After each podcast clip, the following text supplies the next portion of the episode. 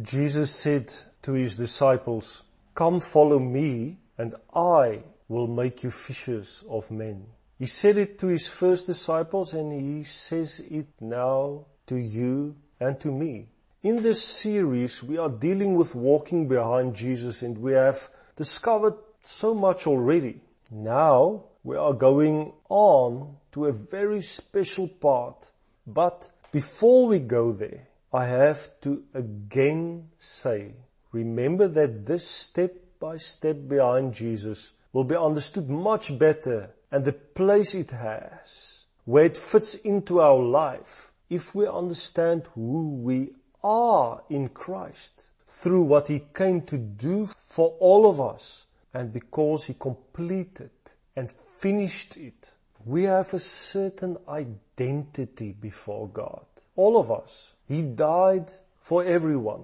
We died with Him, were raised with Him, and are to follow Him step by step in the way we live our lives. In following Him, we become like Him and do what He did. In previous lessons, we concentrated a lot on what is actually meant by following Jesus. But now we are continuing regarding to become like Jesus.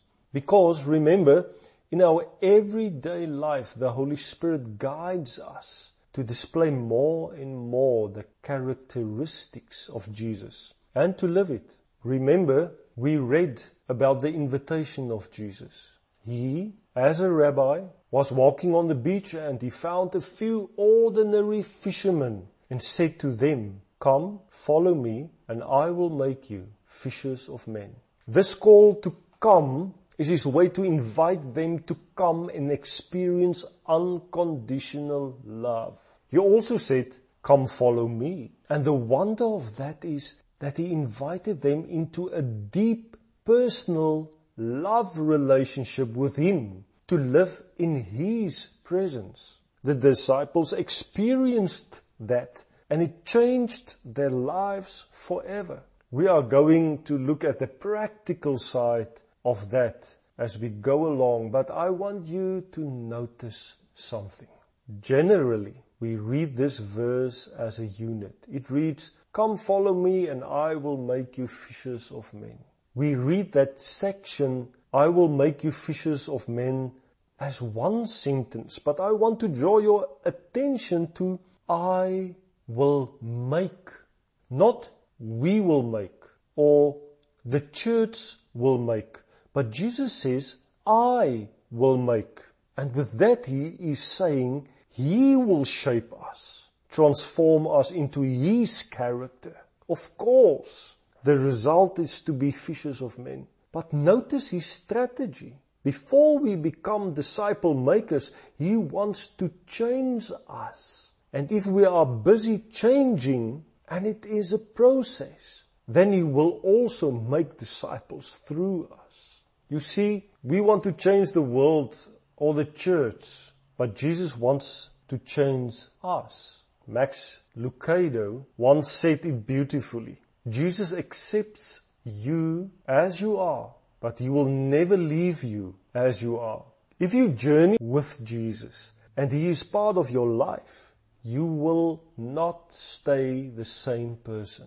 Jesus knows that if we change, then things around us will change. Then the life of the church will also change. Yes, we all want change, but we are not always prepared to change ourselves. It reminds me of a song by a well-loved gospel rock band, Petra.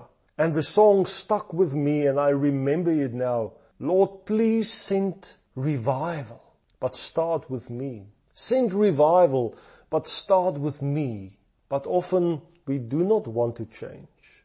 We want things around us to change. We think we are okay and right, but that is not so. The Lord wants to work in you and me, and things are not always right. Let us admit it today because the people around us our marriages, our businesses and the world cannot change if we are not willing to change as well. often the problem is not outside of us. The problem is often inside of us. In the next section of the series, we are going to talk about becoming like Jesus. Do you still remember the background I gave in the beginning? The culture of a rabbi and his disciples? Remember, if Jesus said, come, follow me, it meant that he invited you to become like him and to do what he does. Listen carefully. It's not to become like your culture, deeper and deeper, and not to become like another famous person, or more and more, or like your church. No, he invites you to become like him. So give yourself to him in order to achieve that.